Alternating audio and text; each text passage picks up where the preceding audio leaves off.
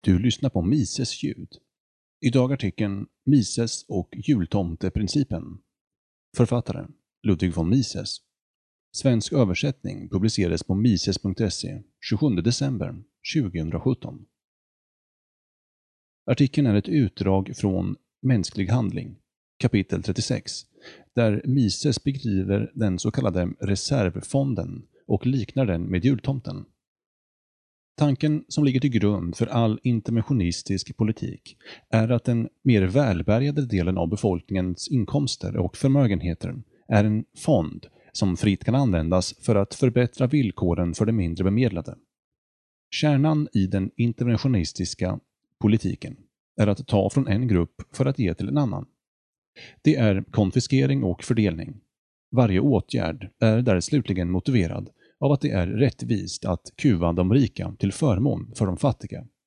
När det gäller offentliga finanser tar sig denna doktrin sitt mest tydliga uttryck i progressiv beskattning av inkomster och egendom. Principen för moderna statsbudgetar är beskatta de rika och spendera intäkterna för att förbättra de fattigas tillstånd. När det gäller industriella relationer föreslås förkortad arbetstid, löneökningar och tusen andra åtgärder under antagandet att det gynnar arbetstagaren och belastar arbetsgivaren. Varje politisk och samhällsmässig fråga hanteras uteslutande från denna princip. Ett exempel ges av de metoder som tillämpas vid drift av statligt och kommunalt ägda företag. Dessa företag är ofta finansiella misslyckanden. De visar regelbundet förluster som belastar statens eller kommunens kassa. Det är ingen nytta att försöka undersöka huruvida underskotten beror på den ökända ineffektiviteten hos offentliga företag, eller åtminstone delvis till otillräckligheten i de priser på vilka varorna eller tjänsterna säljs till kunderna. Det som är mer viktigt är att skattebetalarna måste täcka dessa företags underskott. Interventionisterna godkänner fullständigt detta arrangemang. De avvisar skarpt de två andra möjliga alternativen. Sälja företagen till privata entreprenörer eller höja priserna till kunderna till en sådan nivå att inga ytterligare underskott kvarstår. Det första av dessa förslag är i deras ögon uppenbart reaktionärt, eftersom historiens ofrånkomliga trend är mot mer och mer socialisering. Den andra anses vara antisocial, eftersom den lägger en tyngre börda på de konsumerande massorna. Det är mer rättvist att låta skattebetalarna, det vill säga de rika medborgarna, bära bördan. Deras betalningsförmåga är större än genomsnittet för de medborgare som åker på nationaliserade järnvägar och kommunalt ägda tunnelbanor, spårvagnar och bussar. Att begära att sådana allmännyttiga tjänster borde vara självfinansierande är, säger interventionisterna, en relik från mossiga idéer om ortodoxa finanser.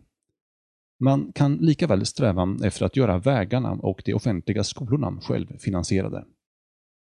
Man behöver inte argumentera med förespråkaren för denna underskottspolitik. Det är uppenbart att den här betalningsförmågeprincipen beror på att det finns inkomster och förmögenheter att beskatta. Man kan inte fullfölja principen när skatter och interventionistiska åtgärder har uttömts sådana inkomster och förmögenheter. Det är precis så här det förhåller sig i de flesta europeiska länder. I USA har inte ännu gått så långt. Men om den nuvarande trenden av ekonomisk politik inte radikalt förändras väldigt snart kommer även USA befinna sig i samma skick inom några år.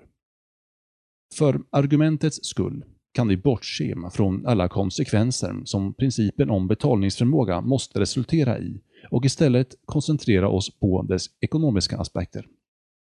När interventionisten förespråkar ytterligare offentliga utgifter förstår han inte att de tillgängliga resurserna är begränsade. Han inser inte att ökade utgifter i en avdelning begränsar utgifter i en annan. Enligt hans åsikt finns det alltid gott om pengar tillgängliga. De rikas inkomster och förmögenhet står till hans förfogande och kan fritt utnyttjas. När han försöker öka skolans resurser gör han inget mer än att understryka hur bra det vore om vi spenderade mer på utbildning. Han försöker inte bevisa att höja skolbudgeten är viktigare än att spendera pengar på en annan avdelning, till exempel sjukvård. Det förekommer honom aldrig att det finns skarpa argument för att minska statens utgifter och sänka skattetrycket. De som försöker skära ner budgeten är i hans ögon bara försvarare av de rika och hjälpreda för dess orättvisa klassintresse. På den nuvarande nivån av inkomst och arvsskatter minskar denna reservfond som interventionisterna nyttjar för att täcka alla offentliga utgifter. Fonden, eller överskottet, har praktiskt taget försvunnit i de flesta europeiska länder. I USA resulterade de senaste höjningarna av skattesatserna endast i försumbara intäkter, utöver vad som skulle ha skett vid mycket lägre skattesatser. Höga skattesatser för de rika är mycket populära bland interventionistiska dilettanter och demagoger. Men det säkerställer endast blygsamma tillägg till intäkterna. För var dag som går blir det mer och mer uppenbart att storskaliga ökningar av offentliga utgifter inte kan finansieras av att beskatta de rika, men att bördan istället måste bäras av massorna.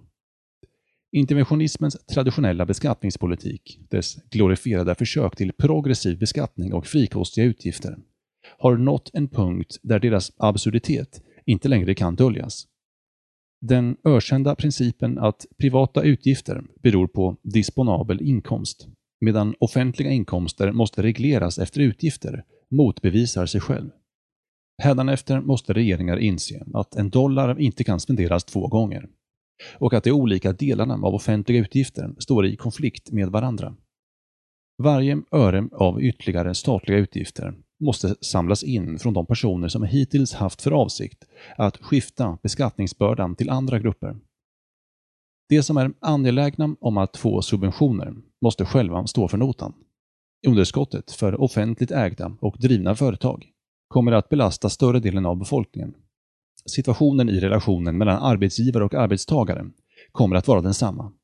Den populära doktrinen hävdar att löntagarna skördar samhällsvinster på bekostnad av de exploaterande klassernas oförtjänta inkomst. Strejkarna, sägs det, strejkar inte mot konsumenterna, utan mot ledningen. Det finns ingen anledning att höja priserna på varor när lönekostnaderna ökar. Skillnaden måste tas från arbetsgivarna. Men där allt mer av entreprenörerna och kapitalistens andel absorberas av skatter, pristak samt högre löner och andra samhällsvinster för anställda, finns ingenting kvar för en sådan bufferfunktion. Då blir det uppenbart att varje löneökning med hela sin kraft måste påverka priserna på varor och att varje grupps samhällsvinst motsvarar exakt samma summa av de andra gruppernas förluster. Varje strejk blir, även på kort sikt, och inte endast på lång sikt, en strejk mot resten av befolkningen. En viktig poäng för interventionismens sociala filosofi är förekomsten av en outtömlig fond som kan för evigt mjölkas. Interventionismen som lära om kollapsar när denna fond har tömts. Jultomteprincipen förgör därmed sig själv.